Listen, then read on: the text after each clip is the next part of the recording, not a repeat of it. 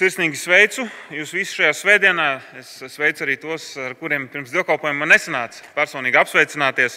Un tāpat arī sveiciens eh, mūsu video draugai. Nu, nav tāds video draugs, bet viņi mūs vēro attālināti. Tā kā viņiem arī eh, sirsnīgs sveiciens. Es aicinu, ka mēs varam eh, uzšķirt vēstuli romiešiem trešo nodaļu un, un ka mēs varam ielikt grāmatzīmi trešās, trešajā nodaļā un būt gataviem, ka mēs lasīsim 21. līdz 31. pantu. Bet te ir tāda lieta, ka pirms mēs lūdzam par šodienas raksturvietu un pirms es viņu sāku skaidrot, mums vajadzēs vienu sagatavošanās darbu izdarīt. Bet jūs atrodiet raksturvietu, lai pēc tam nav jāmeklē, un tad mēs iztirzāsim dažas lietas, lai mēs būtu gatavi šodienas raksturvietai, un tad mēs viņu lasīsim. Ja? Lapus priekšā neteikšu, jo mēs visi esam zinām, kur ir romiešiem 3, 21 līdz 31. Nu, lūk, es pieņemu, ka jums ir arī rokās svētdienas izklāsta lapiņas. Ja tas nodara, tas jums palīdzēs iet cauri svētdienai un saprast, kur es atrodos. Un, tur viens no tādiem pirmiem punktiem ir tas, ka mēs esam baigajā bedrē. Nu, tas nav nekāds joks. Pagājušā svētdiena, principā, mūs ir garīgā līmenī atstājusi tiešām ļoti, ļoti, ļoti dziļā bedrē. Mēs eh, kopā ar mācītāju Mārtiņu domājam par 3. nodaļas 9. līdz 20. pantu. Un būtībā Pāvils tur pateica vienu radikālu lietu. Viņš teica, tā, Klau, neatkarīgi no tā, cik reliģisks tu esi, vai arī nereliģisks, tu esi netaisnīgs Dievu priekšā. Paskatieties uz 3. nodaļas 20. pantu.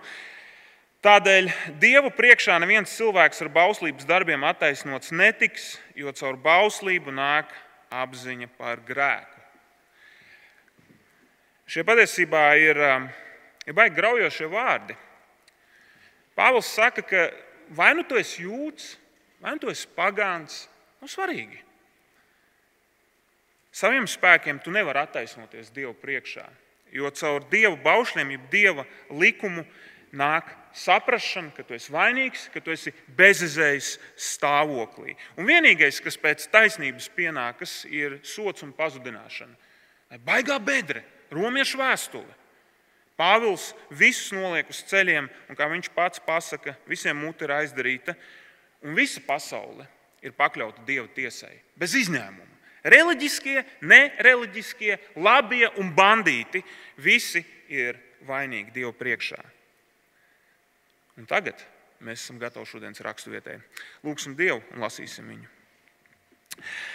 Dabas Tēvs, mēs pateicamies par to, ka Tu mums esi atstājis Tavu vārdu. Un Tu esi mums atstājis vārdu nevis lai mūs notiesātu, bet lai dāvātu mums atziņu par Tavu glābšanu, kas ir Jēzu Kristū. Un tādēļ, Tēvs, es ļoti lūdzu, lai šajā pēcpusdienā Tu apgaismotu mūsu prātus, ka mums būtu gan fizisks, gan arī garīgs spēks, un ka mēs varētu pieņemt tavu evaņģēliju un patiesi tam noticēt. To lūdzam tev Jēzus vārdā. Āmen. Um, Man patīk, patīk svētkrunu tādu padarīt nedaudz dinamisku, un nevajag šeit skaļi man atbildēt, bet es tomēr gribu, ka jūs reaģējat. Ja? Um, vispār no sākuma nolasīsim raksturvietu, un tad jums vajadzēs rēģēt. Tātad Romiešu vēstule 3. nodaļa, 21. līdz 31. pāns. Bet tagad, neatkarīgi no bauslības, ir atklājusies Dieva taisnība, par ko liecina bauslība un pravieši. Ka Dieva taisnība ticībā uz Jēzu Kristu ir visiem, kas tic, tur nav nekādas atšķirības. Jo visi ir grēkojuši un visiem trūks dievišķās godības. Dieva žēlstībā viss tiek attaisnot bez nopelna, jo viņš tos atpircis Kristū Jēzū. Viņā, ko Dievs licis par izlīgumu, viņa asinīs, ko saņemam ticībā, lai Dievs parādītu savu taisnību. Un Dievs piedod grēkus, kas darīti iepriekš dievišķās pacietības laikā, lai parādītu savu taisnību tagadējos laikos, ka Viņš pats ir taisns un attaisno to, kas tic Jēzum. Kur nu ir mūsu dižošanās? Tā ir zudusi ar kādu bauslību, ar darbu bauslību, nē, ar ticības bauslību. Jo nu mēs esam pārliecināti, ka cilvēks tiek attaisnots ticībā, neatkarīgi no bauslības darbiem. Vai Dievs ir vienīgi jūdu dievs, vai tad ne arī pagānu? Jā, arī pagānu. Tik tiešām ir viens dievs, kas attaisno apgaizītos viņa ticības dēļ un ticībā attaisno arī neapgaizītos. Vai tā mēs caur ticību iznīcinām bauslību? Nē, taču mēs bauslību apstiprinām. Patiesi šis ir dzīvā Dieva vārds. Um, es aicinu jūs paturēt vaļā šo raksturvietu, un tad vēlreiz mēs atgriezīsimies pie šī jautājuma. 21. panta sākums. Ar kādu mazu vārdiņu sākās 21. pants? Kā lūdzu? Bet pareizi. Šis mazais sauklītis, tas, tas saiklītis, viņš īstenībā izsaka baigi daudzas lietas. Mēs viņu varam lietot pozitīvi, mēs viņu arī lietot negatīvi, iztēloties situāciju. Mēs šodien brauksim uz veikalu, bet čipsus nepirksim. Mēs šodien brauksim uz Lidlu, bet pizza netiks pirkta. Okay, tas ir tas negatīvais, un viss mašīnā ir bēdīgi. Sākot ar Miroslavu, kurš pie stūres un gribēja pīci. Bet, bet šis vārdiņš, bet viņš jau var tikt lietots arī tādā ļoti pozitīvā un patiesībā baigi iedrošinošā veidā. Tava sieva ar tavu bēnbi noslīdēja no ceļa, bet paldies Dievam, viņai viss ir kārtībā. Tavu bērnu iekļūst slimnīcā, bet paldies Dievam, viņi ir ārā un viss ir labi.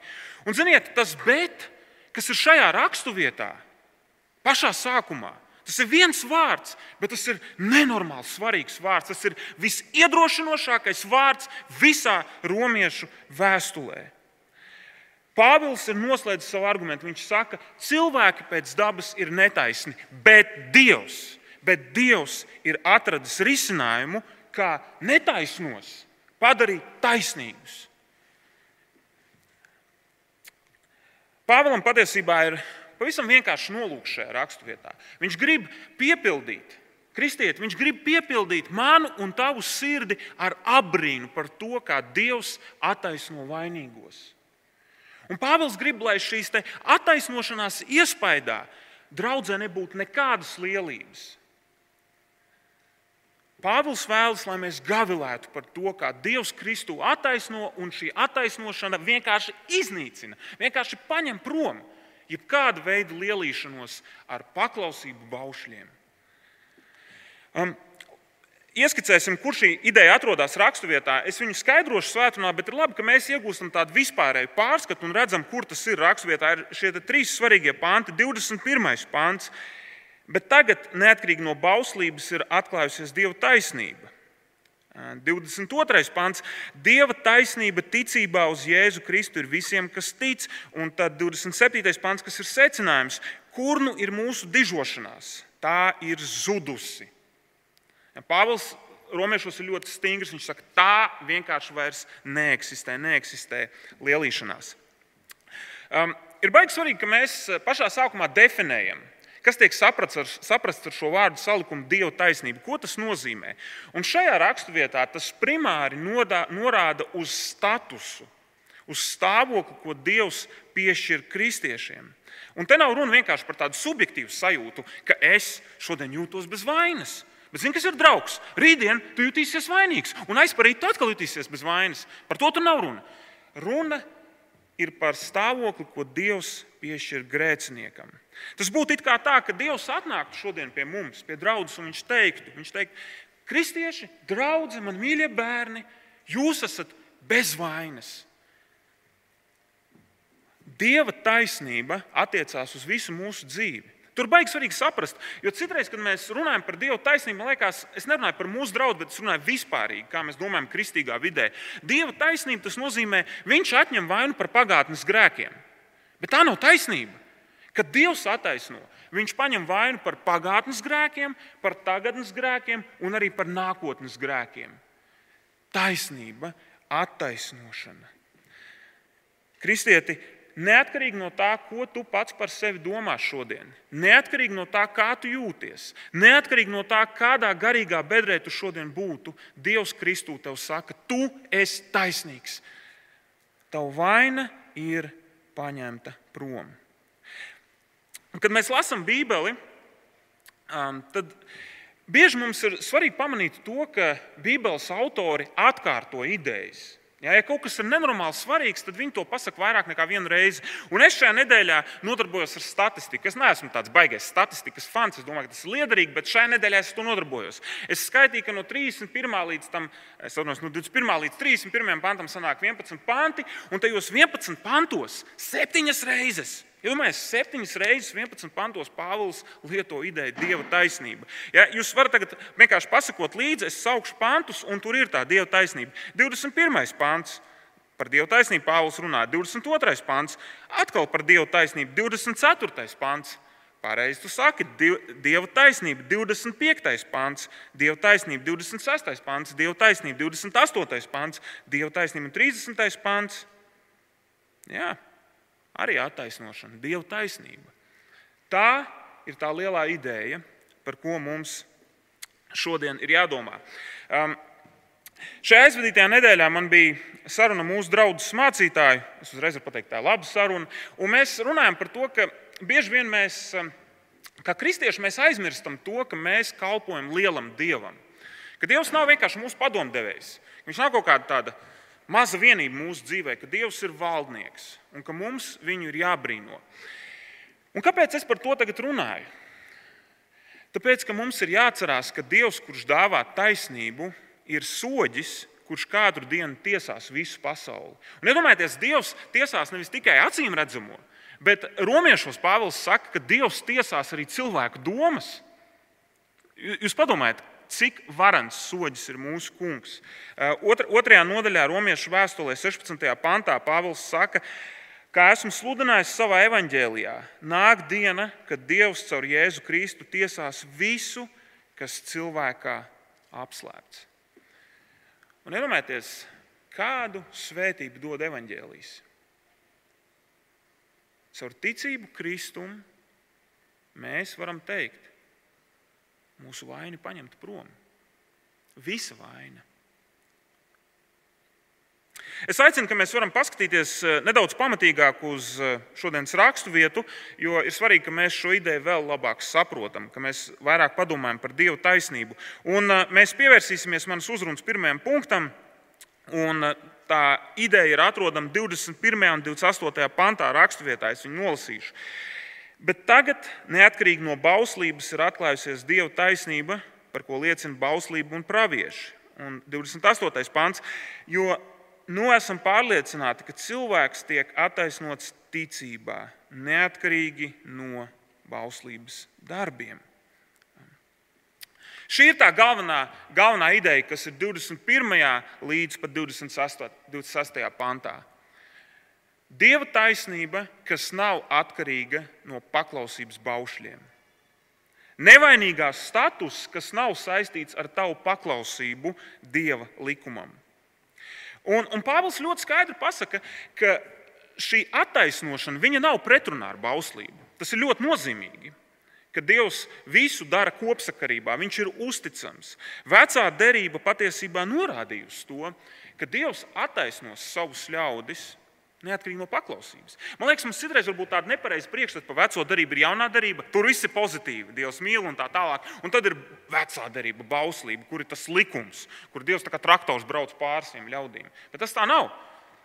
Tāpēc, ka jau vecajā darbā Dievs gatavoja savu tautu, ka attaisnošana tiks dota kā dāvana, kas nav saistīta ar paklausību. Un baigi svarīgi, ko Pāvils pasaka 21. pantā, ka Dieva taisnība ir atklājusies. Šis ir izšķirošs vārds. Viņa ir darīta zināma.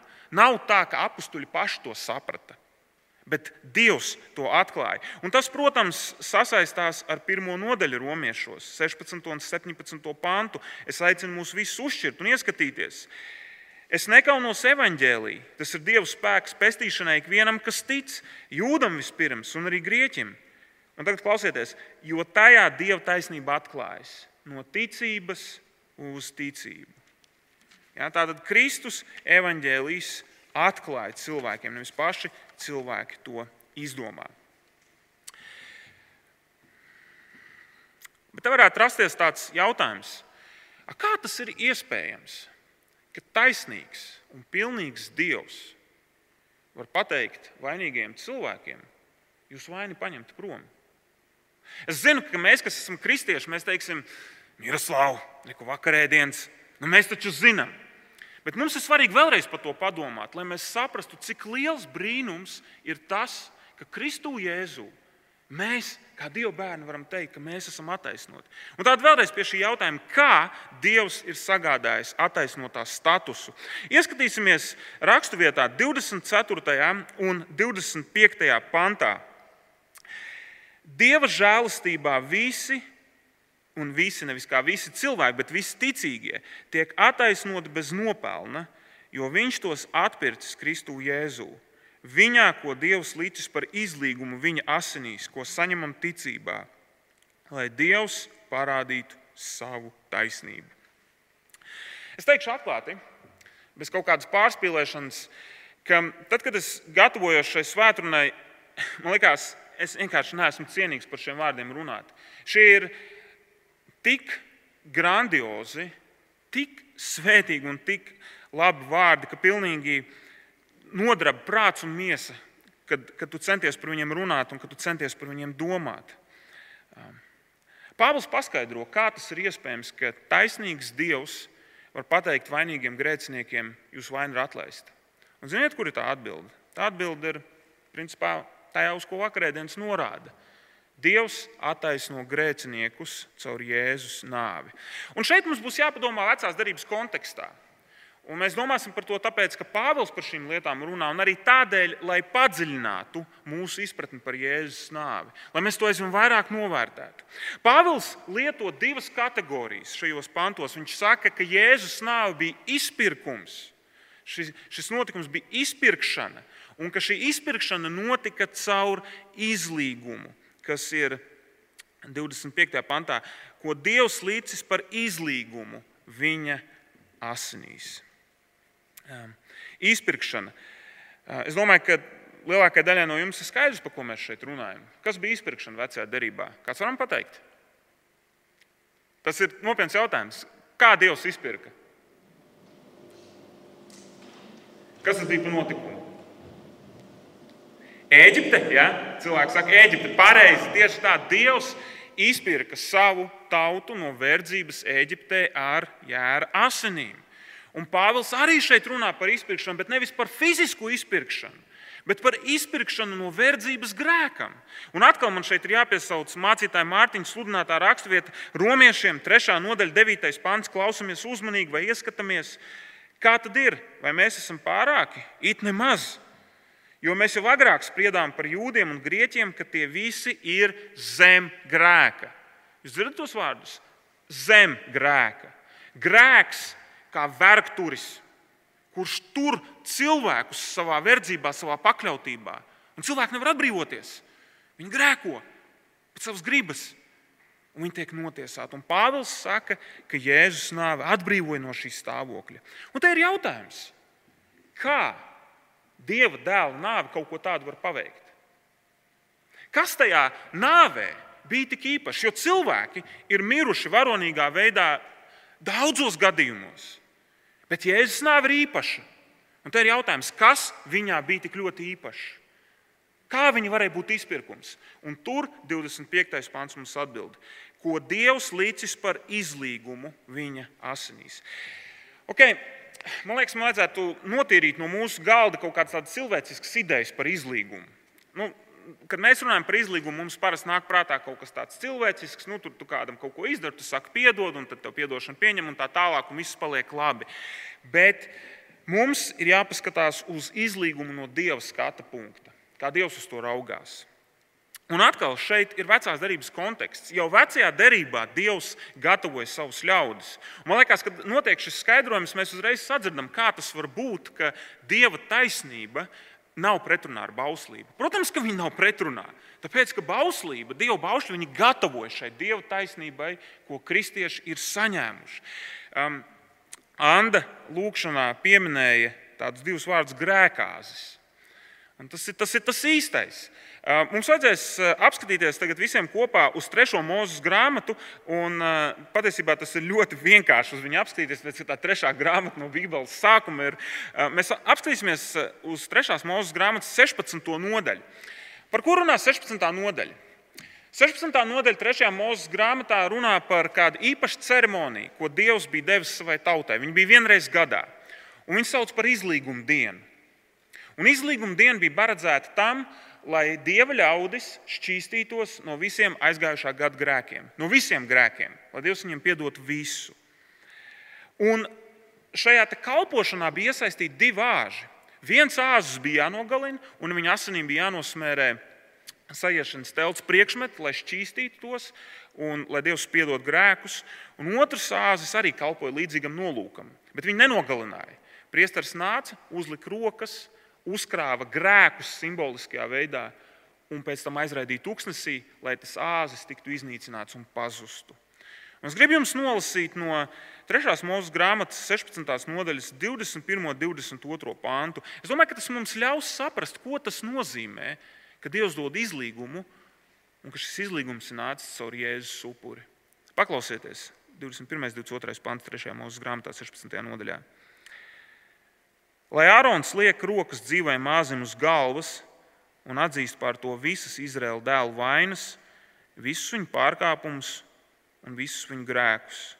Lai uzkrauj tos āzim uz galvas un lai norīkots vīrs to aizdzen tūkstnesī. Lai āzis nes visas viņu vainas uz tukšu zemi, lai āzi aiztrāns tūkstnesī. Es domāju, ka īstenībā šie ir eh, diezgan smagi vārdi. Tam āzim tik tiešām bija jātiek nolādētam. Viņš nesa dieva ļaužu grēkus. Un Jēzus ir piepildījums šai ceremonijai. Man negribās lietot šo apzīmējumu grēkās, tāpēc ka latviešu valodā mēs esam viņu nu, tā nonivelējuši. Nu, viņš nav īsti pieņemams, bet būtība tā ir, ka Jēzus ir šis izlīguma upuris. Tāpēc, ka pie krusta Dievs viņu sodīja. To ļoti svarīgi saprast. Jēzus pie krusta tika sodīts. Mēs arī runājam, viņš ir par mūsu grēkiem. Jā, taisnība, bet ko tas nozīmē? Tas nozīmē tieši šito. Ka Jēzus saņēma tēva dusmas, kas pienācās man un tev. Un Jēzus nāve, viņa asinis šajā raksturvietā, nāve Pāvils apzīmē ar vārdu asinis. Šīs asinis pilnībā apmierina dieva dusmas. Viss! Viss! Dusmas ir apmierinātas. Un tāpēc Dievs var caur evaņģēliju kristiešiem un ikvienam, kurš ir gatavs to ticībā pat šodien uzņemt, viņš ir gatavs teikt, bez vainas, attaisnots, bez vainas, attaisnots, brīvs, mūžīgi mūžos. Bet padomāsim vēl par šo izlīgumu. Kam tas izlīgums bija vajadzīgs? Kam viņš bija vajadzīgs? Dievam? Nē, Tāpēc, ka Dievs ir pilnīgs, Viņš mierīgi varēja bez mums iztikt. Izlīgums bija vajadzīgs mums, bet mēs neko vispār neesam darījuši izlīguma labā. Es personīgi esmu tikai sliktāk visas lietas padarījis. Es neesmu neko labu darījis, lai varētu izlīgt ar Dievu. Visu ir paveicis pats Dievs. Dievs atsūtīja savu dēlu Jēzu uz pasauli, lai izdzēstu manus un tavus grēkus. Un kas motivēja Dievu tā rīkoties? mūsu vērtība, mūsu brīnišķīgās domas un spējas uzlabot šo planētu, taisīt internetu un taisīt mašīnas, kas brauc uz elektrību. Nē, Dievu motivēja viņa sirsnīgais raksturs, viņa žēlastība. Romiešiem 3, 24. Dieva žēlastībā visi, kas tic, tiek attaisnoti bez nopelna.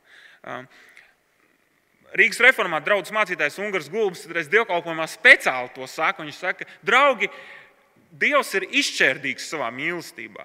Nu, izšķērdīgs ir pārāk dāsns, ka tu skaties un saki, pag, pag, šis bija pa daudz, vajag būt labestīgam, bet nu ne tik ļoti. Un ar Dievu tā ir. Viņš ir tik žēlsirdīgs, ka viņš deva Jēzu, lai taisnības dzirnakmeņi samaltu viņu, nevis mani un tevi. Un šo te taisnošanas dāvanu var saņemt tikai ticībā. Ja, Raksturvietā tas parādās 22. pāns, Dieva taisnība ticībā uz Jēzu Kristu visiem, kas tic. 25. pāns, viņā, ko Dievs līdzis par izlīgumu viņa asinīs, ko saņemam ticībā. Te ir svarīgi paskaidrot. Ticība pati par sevi nevienu cilvēku neattaisno. Ticība nav tāds vēl viens bauslības darbs, kas mums ir jāizpild, un tad mēs teiksim, o, Dievs, mēs esam ticējuši, mēs esam bijuši uzticami. Nē, Mūsu kristiešus attaisno tikai un vienīgi Jēzus nāve, tikai un vienīgi viņa upuris. Un ticība ir šī tukšā roka, kas saņem no Dieva viņa labestību, viņa žēlastību. Tas ir līdzeklis, caur ko mēs saņemam, ko Dievs mums ir sagatavojis. Um, kāda mācītāja saka, ka ticība ir garīga, nabaga izstieptā roka, kas saņem žēlastības dāvanu no radītāja. Ja jūs atceraties, tad dievkalpojuma sākumā, es, nevis dievkalpojuma, bet svētdienas sākumā, es runāju par to, kā Pāvils lieto šo vārdu Dieva taisnība. Un, un es ļoti skaidri pateicu, ka Dieva taisnība galvenokārt attiecās uz statusu, ko Dievs piešķir saviem ļaudīm. Un tas ir pareizi. Bet interesanti, ka šajā raksturvietā šī ideja par Dieva taisnību viņai vēl viena nozīme. Patiesībā baigi svarīgā nozīme.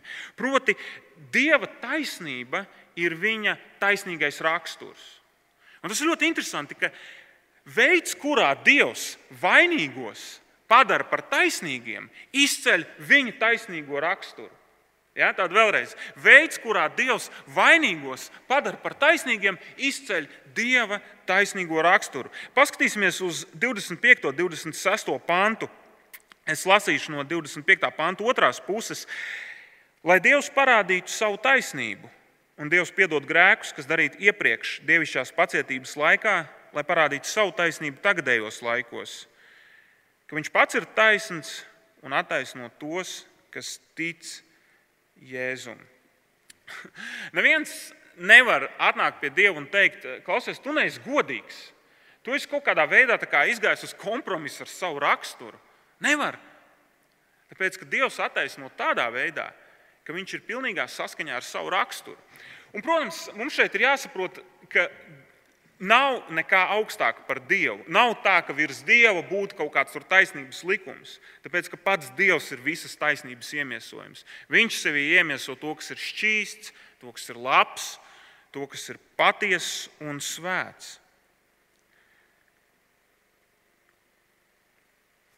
Un kad Dievs saka, vainīgajiem, ka jūs esat brīvi no savas vainas, tad viņš jau savu sodu un savus dusmas nekur prom nepaņem. Jautājums ir tikai, kam tas tiek? Kam tas tiek? Un atbilde ir, Jēzum tas tika. Pie krusta viņam tika sots un pazudināšana, kas pienācās mums pēc dabas vainīgajiem. Un interesanti, ka Pāvils šajā 25. un 26. pantā viņš runā tādā visaptvarošā veidā. Es pieņemu, ka latviešu valodā tas tulkojums ir tāds samudžināts, bet es biju paskaidrošu, un es ceru, ka tas ļaus labāk ieraudzīt, ko, ko teksts saka. Protams, Pāvils min dievišķo pacietību, un tad viņš saka, tagadējie laiki. Par ko runa? Pāvils saka, ka gan vecās derības laikos, gan jaunās derības laikos dieva taisnošanas princips bija patiesībā viens - tikai vienīgi caur ticību viņa darbam.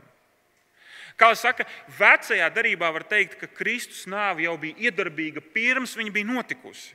Un tagad, pirmajā gadsimtā, Pāvila vārdiem runājot, šī taisnība ir atklājusies. Tur Dievs attaisno grēciniekus. Un man liekas, ka šeit idejai vajag iedot kontekstu. Kā jums liekas, kā Dievs varētu citādāk pasludināt par glābtiem cilvēkiem tādus ļaudis kā Dāvids un Abrahāms? Es domāju, ja Dāvids Es ceru, ka neviens šeit nesauc Dārvids, ja? bet, ja Dārvids ķēniņš šodien parādītos baznīcā, man personīgi būtu problēmas viņu sasveicināties. Zini, kāpēc? Tāpēc, ka Dārvids bija slepkava, reāls slepkava, ne tikai domās, bet pa īstam. Viņš uzmet savu draugu, viņš meloja, viņš gulēja ar savu čomu sievu, viņš bija mīkstais kā tēvs, viņš nevarēja savaldīt savu dēlu. Un jautājums, šitāds žeks starp dievu izglābtajiem, kas tur notiek? Pāvils saka, protams, tas bija dievišķās pacietības, pacietības laiks. Kungs, tici, nu, viņš nevis ticībā, bet viņš ar savu skatu redzēja nākotnē, kā Kristus nomirs pār visiem izredzētajiem, un ka tikai caur Kristus nāvi tā taisnība tiks dota. Man liekas, ļoti laba raksturvieta. Dievs neatkarīgi no bauslības attaisno vainīgos, un Dievs to izdara tādā veidā, ka viņa taisnīgais raksturs tiek pagodināts. Neviens nevar te piekasīties. Viss notiek pareizi. Ko mēs par to visu sacīsim? Es domāju, ka šeit mums dara trīs punkti. Ja? Trīs punkti tas ir forši. Pirmais punkts - pateicība, otrais punkts - pateicība, un trešais punkts - pateicība. Jūs pareizi sapratāt. Neatkarīgi no tā, kā mēs jūtamies, un, un, un neatkarīgi no tā, cik labi mēs šo patiesību zinām, tas ir vienkārši atbilstoši, ka dzirdot par šo dievišķo taisnību, mēs vienkārši sakām, kungs, paldies tev! Paldies tev par to, ka man savi grēki nav jānes, bet Kristus viņus ir nesis. Un paldies tev par to, ka tas ir pilnīgs un pietiekams darbs. Bet, atkal, bet ieskanās. Es domāju par to, kā šī patiesība stiprina mūs kā kristiešus. Jo, jo, jo Romas draugi viņi bija, viņi bija kristieši, viņi zināja šīs lietas, bet Pāvils viņiem raksta. Pāvils uzstāja, Dieva taisnība kas nav atkarīgi no bauslības. Un mans jautājums bija, kā tas stiprina, iedrošina mūsu draugu ticību šeit, 21. gadsimtā, mūsu situācijā.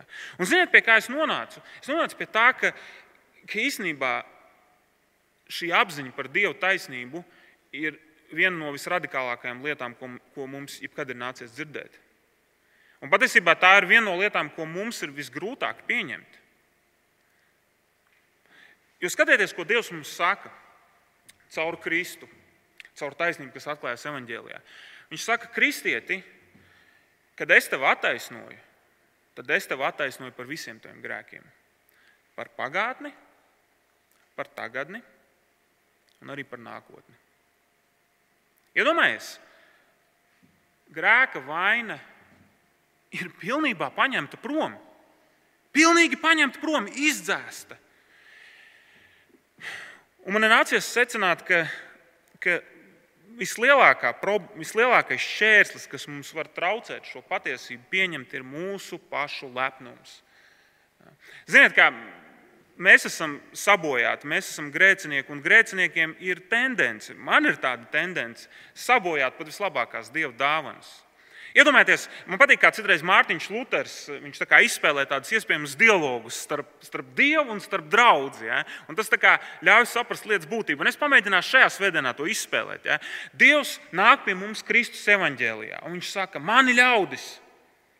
Pietiks uztraukties, pietiks baidīties. Es gribu jums iedot tādu taisnību, kas nosedz pilnīgi visu jūsu dzīvi.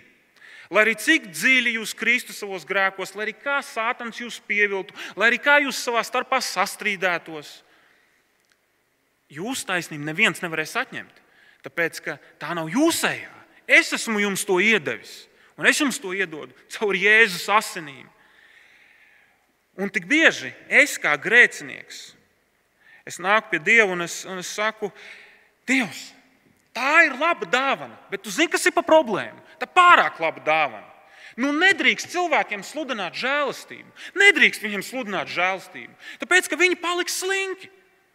Nu, pasaki, tu kā nu, tu esi taisnīgs, un tas nozīmē, ka es varu dzīvot kā es gribu. Dievs, es gribu pateikt to, ka nedrīkst sludināt žēlastību, jo tad, jo tad negribēsies vairs dzīvot taisnīgu, un svētu un labu dzīvi. Izdarām tā, Dievs, ka 99% ir tavs darbs, taisnība, bet tas 1%, ka tomēr es varu sačakarēt viņu. To taisnību, ko tu dod. Un paldies Dievam, paldies Viņam, ka Viņš ir žēlsirdīgs un labs, un Viņš mums tur neļaus palikt. Ja ir viena lieta, par ko viņš mūsu ticības dzīvē mācīs, tad tā ir šī, ka mēs, Kristu Jēzum, esam taisnīgi un bez vainas. Un ja Viņš mūs attaisno, tad nekas vairs nevar mūs padarīt netaisnīgus. Okay? Ja Kristu draudz ir taisnīga, tad nekas nevar atņemt viņas taisnību. Tāpēc, ka tas nav atkarīgs no mums. Tas ir atkarīgs no Jēzus, un Jēzus to ir pie krusta piepildījis. Un patiesībā man liekas, vienīgais, kas prasās, ir vienkārši ar pazemīgām sirdīm pieņemt to, ko Tēvs mums dod. Vienkārši pieņemt šo dāvanu. Un, ja mēs paskatāmies uz vēstuli romiešiem, tad, tad Dieva taisnība ir īstenībā vienīgais pamats, kas dos mums prieku dzīvot citādāk. Vienīgais. 12. nodaļā Pāvils saka, ka Dieva žēlastības vārdā, viņa apžēlošanās dēļ, nododiet sevi kā Dievam patīkamu upuri. Viss cits mūs nokaus un nedos prieku un spēku. Bet, ja mēs satveram to, ka Kristū esam bez vainas un ka nekas to nemaina, tad mēs gribēsim atdot savu dzīvi Dievam kā pateicības upuri. Mēs gribēsim mīlēt citus kristiešus, mēs tam nodosim savu laiku un mēs stāstīsim citiem par Jēzu. Jo mūs virzīs nevis mūsu pašu pūliņi, bet status, ko Dievs mums dod. Tā ir brīnišķīga dāvana, un vakarēdienas uz to norāda. Ka mūsu taisnība nav atkarīga no bauslības, no mūsu paklausības Dieva vārdam, bet no Dieva, no asinīm, ko Kristus ir izlējis un ko mums ticībā pieņemt. Un kā jau to sākumā teicu, tad šī taisnība izslēdz jebkādu lielīšanos. Svētrunas otrais punkts, kas būs ļoti īss, paskatāmies uz 2. nodaļas, 20, 83. Eh, nodaļas 27. pāntu, kur nu ir mūsu dižošanās. Tā ir zudusi ar kādu bauslību, ar darbu bauslību? Nē, ar ticības bauslību. Padomāsim īsumā par to, kāpēc Pāvils vispār runā par lielīšanos. Aiziet Romas drauga, viņa sastāvēja no dažādām etniskām grupām. Tur bija jūdu izcelsmes kristieši un pagānu izcelsmes kristieši. Un šiem jūdu izcelsmes kristiešiem varēja būt tāda vēlme, nu, tā kā bišķi lielīties. Nu, tāda neliela sajūta, ka viņi nedaudz pārāki par tiem kristiešiem, kas ir nākuši no pagānu vidus. Kā nekā jūdu izcelsmes kristietis nācis no Izraēlas tautas, jūdu izcelsmes kristietis ir audzināts bauslībā, un viņš labāk zina, ko Dievs darīja un kā tas viss saslēdzās kopā Kristū. Un Pāvils saka, Kristus dāvātais taisnīgums vienkārši iznīcina jebkādu lielīšanos. Ja, šī, šī lielīšanās viņa, viņa zūd, viņa ir izslēgta. Ja, viņu nelaiž vairs iekšā Dieva draudzē. Un tāpēc vispār nav svarīgi, vai tu esi jūdu izcelsmes kristietis vai tu esi pagānu izcelsmes kristietis. Es atceros, pirms kādiem gadiem kāds populārs kristīgs latviešu mūziķis man teica, Miroslav, pie jūdiem ir tā īstā svētība, pie viņiem ir tas īstais garīgums. Un ko Pāvils viņam teiktu? Nē, nav, tie meli. Īstais garīgums un īstā svētība ir Kristū un tajā taisnībā, ko Kristus dod. Un Pāvils ir ļoti, kā to pasaka, viņš izdara visu, kas ir viņa spēkos, lai šādu lielīšanos izskaustu. Ja, paskatieties, um, kā viņš runā uz, uz, uz, uz šiem kristiešiem 29. un 30. pantā. Vai Dievs ir vienīgi jūdu dievs, vai tad ne arī pagānu? Jā, arī pagānu. Tik tiešām ir viens dievs, kas attaisno apgaizītos viņa ticības dēļ, un ticībā attaisno arī neapgaizītos.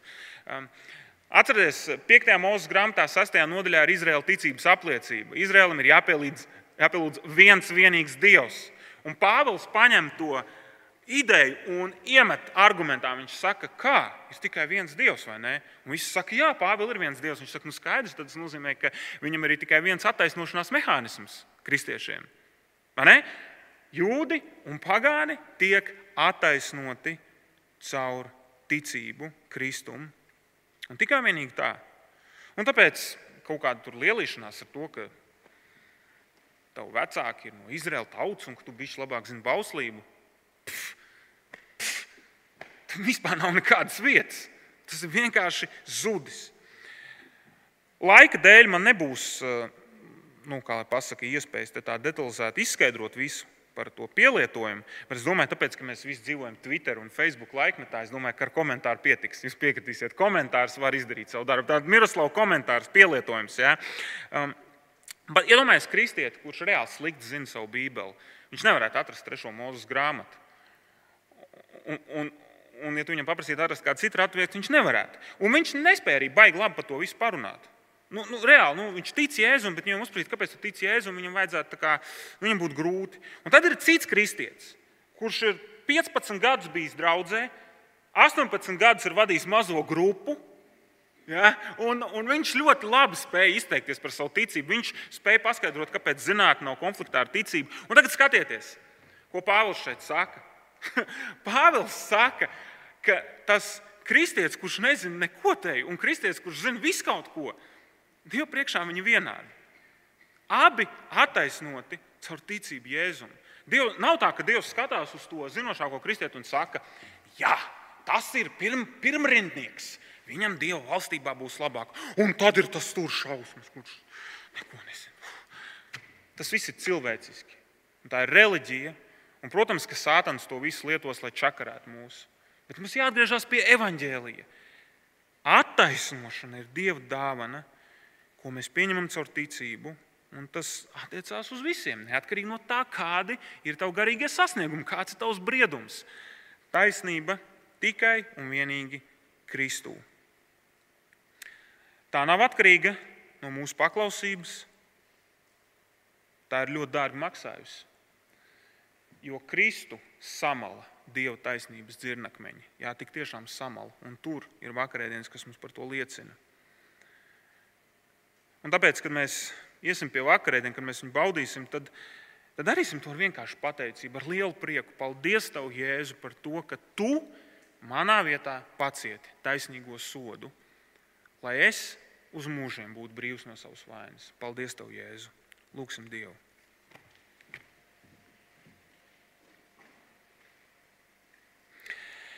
Dārgais debes Tēvs, mēs gribam apbrīnot Tevi par to, ka Tu attaisno mūs bez jebkādiem nopelniem, bet tikai un vienīgi caur Kunga Jēzus Kristus nāvi. Mēs ļoti lūdzam, lai mēs šo patiesību spētu aizvien vairāk un aizvien dziļāk pieņemt ticībā. Īpaši es lūdzu Tēvs, ka mēs šo patiesību spētu pieņemt un priecāties par to tajos brīžos, kad ticības dzīvē mums kļājās ļoti slikti, kad mēs redzam citus kristiešus un mums liekas, ka mēs vispār pat klāt viņiem nestāvam. Palīdz mums atcerēties, ka gan viņi, gan arī mēs esam bez vainas un taisni. Nevis savā ticības spēkā, bet gan Kristus asinīs, ko Viņš par mums ir izlējis. Lai tev ir slava un gods mūžīgi mūžos.